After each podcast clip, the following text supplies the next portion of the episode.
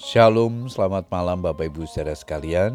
Kembali malam hari ini kita berkesempatan untuk datang kepada Tuhan, menaikkan doa dan ucapan syukur kita kepada Tuhan.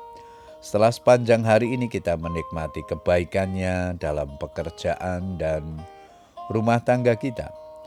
Malam ini sebelum berdoa kembali kita akan belajar firman Tuhan yang malam ini diberikan tema ketetapan untuk menyelamatkan. Ayat mas kita di dalam Yohanes 3 ayat 17. Firman Tuhan berkata demikian, Sebab Allah mengutus anaknya ke dalam dunia bukan untuk menghakimi dunia, melainkan supaya dunia diselamatkan melalui Dia. Bapak Ibu saudara sekalian, patuh terhadap orang tua kadang terasa menjengkelkan bagi anak-anak kita. Sebab sering kali hal-hal yang dilarang orang tua adalah hal yang justru diminati anak-anak. Bermain gawe atau HP berlama-lama, pergi bermain tanpa mengenal waktu atau menghindari jajanan tertentu. Anak-anak tidak mau peduli alasan orang tua melarang mereka, sekalipun hal itu dilakukan demi kebaikan si anak. Mereka menerjemahkan larangan sebagai tanda bahwa orang tua tidak sayang. Anak-anak baru akan menyadari kekeliruan mereka ketika hal yang buruk terjadi dalam hidupnya. Tidak jarang kita bertingkah seperti anak-anak di hadapan Tuhan. Kita mengabaikan setiap ketetapan Tuhan, bahkan menganggapnya sebagai belenggu yang membatasi ruang gerak. Kita mempertanyakan kemerdekaan hidup yang katanya Tuhan sediakan bagi orang percaya. Beruntung kita pergumulan dapat membuat kita sadar akan dosa dan kesalahan sehingga kita berbalik kepada Tuhan. Bukankah tidak jarang pergumulan berat ditanggapi dengan menghujat Tuhan bahkan meninggalkannya.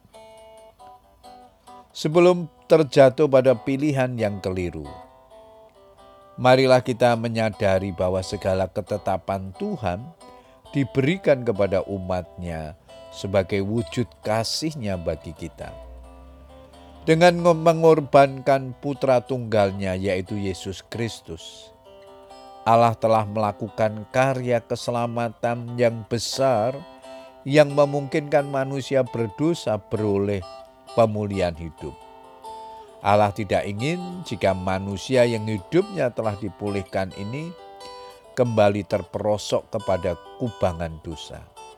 Oleh karena itu, ketetapan yang diberikan Tuhan itu berfungsi untuk memagari umat yang telah diselamatkannya itu dari godaan kejatuhan kepada dosa.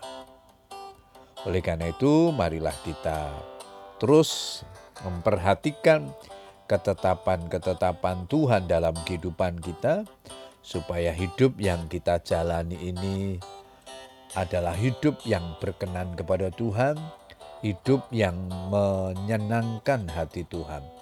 Terlebih hidup kita sudah ditebus dengan pengorbanannya yang mahal di atas kayu salib, supaya kita yang dulu hidup dalam manusia lama yang penuh dengan dosa, melalui penebusan Kristus, kita beroleh hidup yang baru, hidup yang dimerdekakan, hidup yang sesuai dengan ketetapan-ketetapan Tuhan.